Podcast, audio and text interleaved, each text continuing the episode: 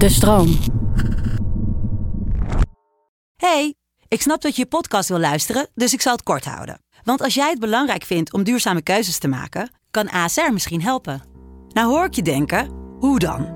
Nou, bijvoorbeeld bij het duurzaam herstellen van schade. Of de premies die we beleggen volgens ons duurzaam beleggingsbeleid. Dat bepaalt waar we wel en juist niet in investeren. Wil je meer weten over welke duurzame keuzes ASR maakt? Ga dan naar asr.nl slash duurzame keuzes. ASR doet het. Zo, dan kan je nu lekker naar je podcast luisteren. Hey, ik snap dat je je podcast wil luisteren, dus ik zal het kort houden. Want als jij het belangrijk vindt om duurzame keuzes te maken, kan ASR misschien helpen. Nou hoor ik je denken, hoe dan? Nou, bijvoorbeeld bij het duurzaam herstellen van schade. Of de premies die we beleggen volgens ons duurzaam beleggingsbeleid. Dat bepaalt waar we wel en juist niet in investeren. Wil je meer weten over welke duurzame keuzes ASR maakt? Ga dan naar asr.nl slash duurzame keuzes. ASR doet het. Zo, dan kan je nu lekker naar je podcast luisteren. Dat is wel echt sick, hè? Dat verwacht je eigenlijk niet. Wat? Nou, dat de zwaartekracht zo slap is vergeleken met die andere krachten. En, en ook niet een beetje.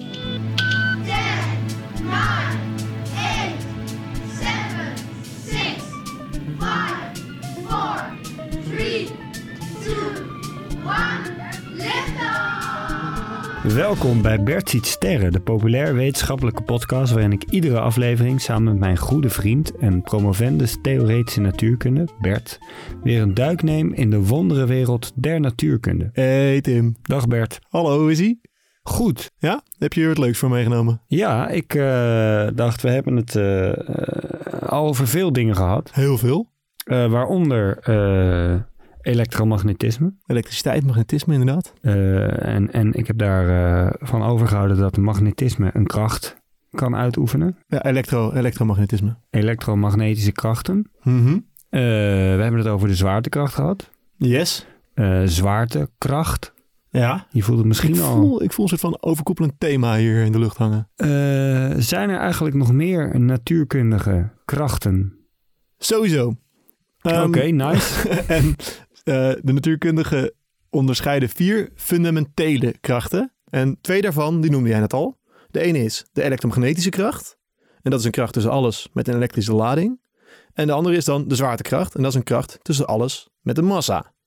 En daarnaast zijn er nog twee andere krachten. En samen heb je er dan dus vier. Eh, en beide, die twee andere, hebben allebei eh, betrekking op wat er gebeurt in de kernen van atomen en wat daaromheen gebeurt. Je hebt de zwakke kernkracht. Die vindt plaats tussen die kernen en ook andere deeltjes die om de atoomkernen heen eh, bewegen. En je hebt de sterke kernkracht. En die laatste is, sterke kernkracht zit echt alleen maar in de atoomkern. En het is niet dat de zwakke kernkracht een minder sterke variant van de sterke kernkracht is. Zoals als Bertkracht een minder sterke variant van Timkracht is. Nee, het is wel zo dat de zwakke kernkracht minder sterk is. Dus de energieën die erbij komen kijken, eh, die zijn ook minder heftig. Grappig, dat had ik niet, eh, niet aan zien komen. Maar hij is voor de rest doet hij ook nog eens andere dingen. Ehm, en bij al deze krachten hoort dan ook een veld. Daar hebben we ook al gezien bij elektromagnetisme. Dat een elektromagnetisch veld en een zwaartekrachtsveld ook. Dat is een manier om te beschrijven hoe een kracht op verschillende plekken werkt. Hoeveel er vermerkbaar is. En bij al deze kracht hoort een deeltje. Dat deeltje heet een zogenaamd boson. En dat is het deeltje dat die kracht overbrengt. En bijvoorbeeld, eh trick question. Wat is misschien het deeltje, misschien weet je dat wel, van de elektromagnetische kracht? Eh, ik denk het elektron. Nee, wel logische keus, maar het is het foton. Dus eigenlijk het lichtdeeltje. Dat is het deeltje dat elektromagnetische kracht kan overbrengen. Het wordt uitgezonden onder andere door elektronen, maar die ondervinden die kracht. Het is een magnetisch veld, wordt gemaakt door fotonen. Ja, je kan zeggen, het wordt gemedieerd door fotonen. En voor andere deeltjes heb je allemaal andere dierentuin, eh, dierentuin vol deeltjes. Je hebt voor de zwakke kernkracht noem je het het W en het Z-boson. Dat is niet een hele originele naam. Voor de sterke kernkracht noem je het het gluon. Omdat dat als het ware de kern bij elkaar lijmt. En ook de zwaartekracht heeft een deeltje. Genaamd het graviton. Maar dat is nog nooit, nog nooit waargenomen. Ze hadden het beter eh, bij de zwakke kernkracht het pritstift-uon genoemd. Want het houdt het wel bij elkaar, maar niet echt goed. Ja, natuurkundigen zijn meestal wel een soort van doen hun best voor originele namen. Maar dat, eh, af en toe gaat het ook even helemaal mis. Gluon is wel echt lekker Ja, hoor. toch? Ja, dat lijmt een beetje. Ehm, Oké, we hebben allemaal krachten. Yes. Wat doen ze? Nou ja, het zijn fundamentele krachten, omdat ze niet terug te brengen zijn tot andere krachten. Dus het flauwe antwoord zou zijn, nou, die doen, deze, ze doen eigenlijk alles. En dat klinkt misschien zeg maar niet zo logisch, maar stel, ik geef jou een klap, of ik ga spring van een, eh, van een gebouw af. Precies, ik geef jou een klap met de zwakke Bertkracht. Dan kan ik uiteindelijk, als ik echt wil beschrijven wat er op deeltjesniveau gebeurt, ook die hele beweging van jou, van ik die jou eh, met de zwakke Bertkracht een klap geef, kan ik uitleggen door te kijken naar mijn atomen, naar de veranderingen daarin, naar hoe, dat allemaal op, eh, hoe die helemaal allemaal bij elkaar hangen. En dat kan ik allemaal doen op basis van die vier fundamentele krachten. Dus je hebt alle vier de krachten nodig om eh, de slappe Bertkracht die jij op mijn gezicht uitoefent, natuurkundig te omschrijven. Ja, uiteindelijk wel, ja. Eh, maar wat ze dan precies doen, die verschillende krachten, ja, daarin zijn natuurlijk wel grote verschillen. Dus ook in wat je er dan uiteindelijk van merkt. En nou, we kunnen er gewoon even doorheen lopen. Eh, let's go. Let's go. Wat is de sterkste kracht? De sterkste kracht is, nou, what's in the name? De sterke kernkracht. En dankzij de sterke kernkracht is het vooral zo dat we eh, stabiele atoomkernen hebben. Dus Tim, waaruit bestaat een atoomkern ook alweer?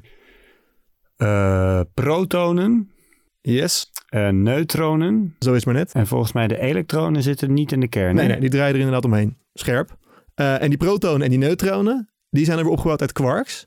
En dat is eigenlijk het grote domein van de sterke kernkracht. Dus die zorgt ervoor dat de protonen en de neutronen goed samenklonteren in de kern.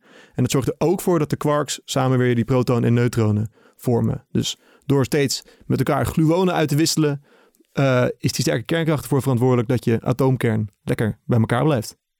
Wat op zich wel best belangrijk is, al merk je er in het dagelijks leven niet heel veel van. Nou, behalve dat je niet uit elkaar valt in losse neutronen en protonen. Exact. Alright, gaan we door. Wat, eh, wat is de volgende? Eh, nou, dan vermoed ik de zwakke kernkracht. Ja, die is.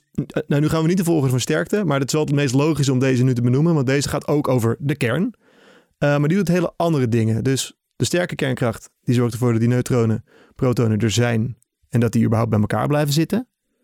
Maar de zwakke kernkracht kan bepaalde omzettingen doen en interacties doen, bijvoorbeeld tussen atoomkernen of onderdelen van atoomkernen en elektronen en dat soort dingen. En het zijn typisch verschijnselen waarbij radioactiviteit, radioactieve straling, een rol speelt. Dus je zou eigenlijk kunnen zeggen dat die zwakke kernkracht bijvoorbeeld, eh, nou, heel, heel erg belangrijk is bij eh, kerncentrales bijvoorbeeld. Eh, is dat een beetje zeg maar zoals de sterke kernkracht de zon als een bolletje houdt en dan de Ja. zwakke kernkracht de aarde bij de zon houdt? Nee, dan loop je eigenlijk één stap vooruit, want dat is, je doelt dan op de, op, de kern, op de kern met de elektronen eromheen. Ja, en dan is de aarde het elektron en de zon Ja. zijn de protonen Nee, en de neutronen. dan maak je een stap, stap vooruit hier naar de elektromagnetische kracht, want die doet dat. Die zorgt ervoor dat elektronen met een negatieve lading en protonen met de positieve lading samen blijven in een atoom. Ah, oké. Dus dan hebben we eigenlijk nu een, een, een... En de zwakke kernkracht is eigenlijk gewoon best een beetje weird. Die zorgt ervoor dat bijvoorbeeld neutronen in protonen kunnen veranderen. En bij zo'n proces vindt er dan vervolgens eh, radioactieve straling komt daar bijvoorbeeld bij vrij. Dus die, die is eigenlijk een beetje die, die is in staat om, om die neutronen en die protonen van eigenschappen te doen veranderen. En de elektromagnetische kracht. Die is dus degene die inderdaad ervoor zorgt dat atomen met in de kern positieve deeltjes en de negatieve elektronen eromheen, dat die bij elkaar blijven. En die zorgt er bijvoorbeeld ook voor dat atomen onderling met elkaar bindingen kunnen aangaan. Dus die is heel erg belangrijk ook bij chemische reacties en zo. En dat je een magneet naar het noorden wijst. Bijvoorbeeld, en dat we elektrische stroom hebben. Dus, met, dus de elektromagnetische krachten, daar merk je denk ik in het dagelijks leven misschien wel het meest van. En dan hebben we, Nou ja, jij mag hem zelf afmaken.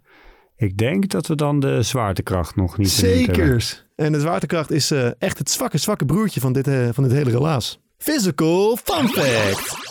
De elektromagnetische kracht is meer dan een miljard keer een miljard keer een miljard keer een miljard keer sterker dan de zwaartekracht. En net als de zwaartekracht werkt de elektromagnetische kracht ook op grote afstand. Maar toch is de zwaartekracht veel dominanter en vliegt er nooit zomaar iemand door de lucht door de elektromagnetische interactie. En dat komt omdat de meeste dingen, zoals jij en ik, in totaal elektrisch neutraal zijn. En daarom heeft de zwaartekracht vrij spel. Echt sick, hè? Dat verwacht je eigenlijk niet. Wat? Nou, dat de zwaartekracht zo slap is vergeleken met die andere krachten. Nee, klopt. Dat is, dat is en, en ook niet een beetje, maar gewoon echt extreem Ja. veel, veel zwakker. Hoe komt het dan dat we toch eh, niet gemagnetiseerd of geëlektrocuteerd worden, maar wel op een stoel blijven zitten?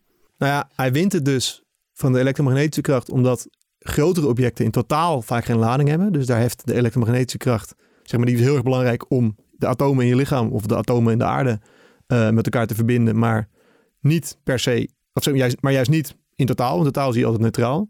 En bovendien is de zwaartekracht ook universeel. Dus die vindt plaats tussen alles wat een massa heeft. Voor de rest, dat is eigenlijk de enige criterium. Eh, de zwaartekracht gaat alleen maar een rol spelen bij enorme massa's. Zoals bijvoorbeeld de aarde of de zon of zo. Overigens, als je dus deeltjesfysica gaat doen. Ja, die hebben dat tot nu eigenlijk jarenlang... hebben ze niet over zwaartekracht hoeven na te denken. Want op die schaal, op schaal van atomen... ja, merk je er ook gewoon werkelijk geen hout van. En pas tegenwoordig is dat een beetje aan het veranderen. Of tegenwoordig, een beetje ruimschoots tegenwoordig. De afgelopen 40, 50 jaar. Want de zwaartekracht is net een beetje ook, zeg maar, het zwarte schapen in de familie. Die andere drie, die kan je heel goed begrijpen door te kijken naar hoe elementaire deeltjes werken. En bij zwaartekracht lukt dat eigenlijk niet. En ja, die wordt op een hele andere manier beschreven. Dus tegenwoordig zijn ook de deeltjesfysici bezig met zwaartekracht. Maar omdat die zo zwak is, ja, in principe, in je atoomkern heb je geen last van de zwaartekracht. En als we het toch hebben over fundamentele krachten. Ja. Wat zijn nou fundamentele krachten in jouw leven, Bert? Goede vraag. Ehm, Liefde, de liefde, gezapigheid.